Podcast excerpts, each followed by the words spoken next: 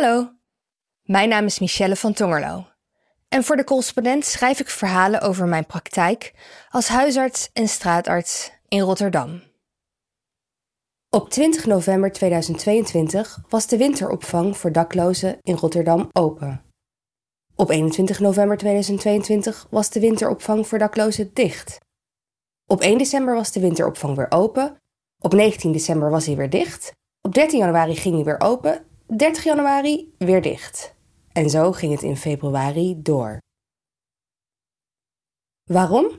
De reden was nu eens geen gierend personeelsgebrek en ook geen tekort aan mensen die een slaapplek in de opvang nodig hadden. De reden was, hou je vast, 1 graad Celsius. In Rotterdam mag de winteropvang voor dak- en thuislozen namelijk alleen maar open zijn als de gemeten gevoelstemperatuur onder nul komt. Komt de temperatuur daarboven, dan sluit de opvang, hopsakee, haar deuren. Zou NOS-weerman Gerrit Hiemstra weten welke effecten zijn weersvoorspellingen wel niet sorteren? In Nederland slapen behoorlijk wat mensen op straat. Hoeveel precies is lastig zeggen. Je weet namelijk nooit wie je niet in beeld hebt. Onderzoekers kunnen niet elk scheurtje of kraakband af. Feit blijft dat er op dit moment in Rotterdam alleen al 55 mannen en 10 vrouwen op de wachtlijst staan voor een bedje in de maatschappelijke opvang, zoals de dakloze opvang officieel heet. Voor anderen gaan de deuren sowieso niet open. Ongedocumenteerden bijvoorbeeld mogen helemaal geen gebruik maken van de opvang. Arbeidsmigranten vaak ook niet. Voor deze daklozen, op de wachtlijst of zonder rechten, wordt winters de zogenoemde winteropvang geopend. Een sobere faciliteit vol gemotiveerde hulpverleners waar mensen, mits koud genoeg, kunnen overnachten. Met nadruk op die duivelse drie woorden: mits koud genoeg. Is de gevoelstemperatuur plus 1 graad Celsius, dan moeten al die mensen weer buiten slapen terwijl de grond nog bevroren is. Dat zorgt voor veel gezondheidsproblemen en, niet onbelangrijk, het maakt het moeilijker om problemen voor te zijn. Zo kon de vaccinatie van dakloze mensen tegen COVID-19 in Rotterdam niet doorgaan door de logistieke chaos die een plotse temperatuurstijging teweegbracht. Probeer maar eens een planning te maken om mensen te vaccineren als je niet weet of het morgen koud genoeg is om de deuren te mogen openen. De logica van dit beleid is dan ook ver te zoeken. Het ene moment slaap je onder een strak blauwe hemel, gevoelstemperatuur best aangenaam, terwijl de winteropvang open is.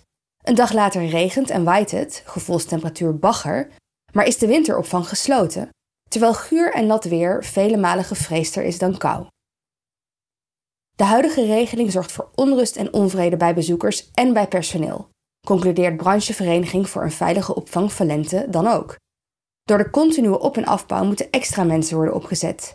En niet alleen het steeds op- en aftuigen van de opvang kost onnodig veel energie, communicatie daarover naar mensen zonder dak boven hun hoofd is intensief, zo niet ondoenlijk.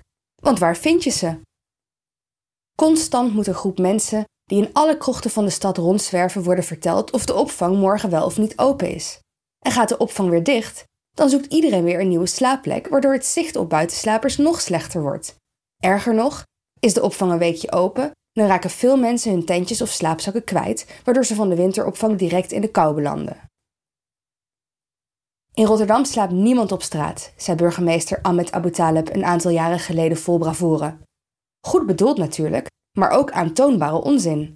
Niet alleen slapen in Rotterdam steeds meer mensen op straat, ze liggen daar ook door totaal onlogisch beleid.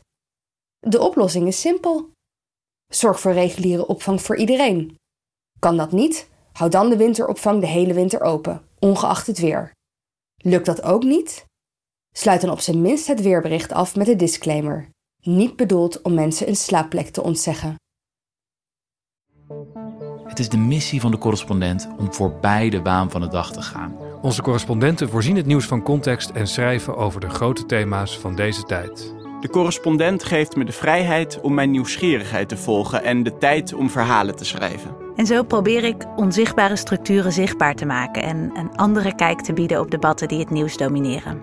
Dan gaat het minder over het spelletje en veel meer over wat er op het spel staat. Vanaf dag 1 zijn onze artikelen, boeken en podcasts gefinancierd door onze leden. Volg ons op onze journalistieke zoektocht. Overweeg eens lid te worden van de correspondent. En maak daarmee samen met ruim 70.000 anderen onze onafhankelijke journalistiek mogelijk. Dus word lid van de correspondent. Ja. Word lid. Word lid.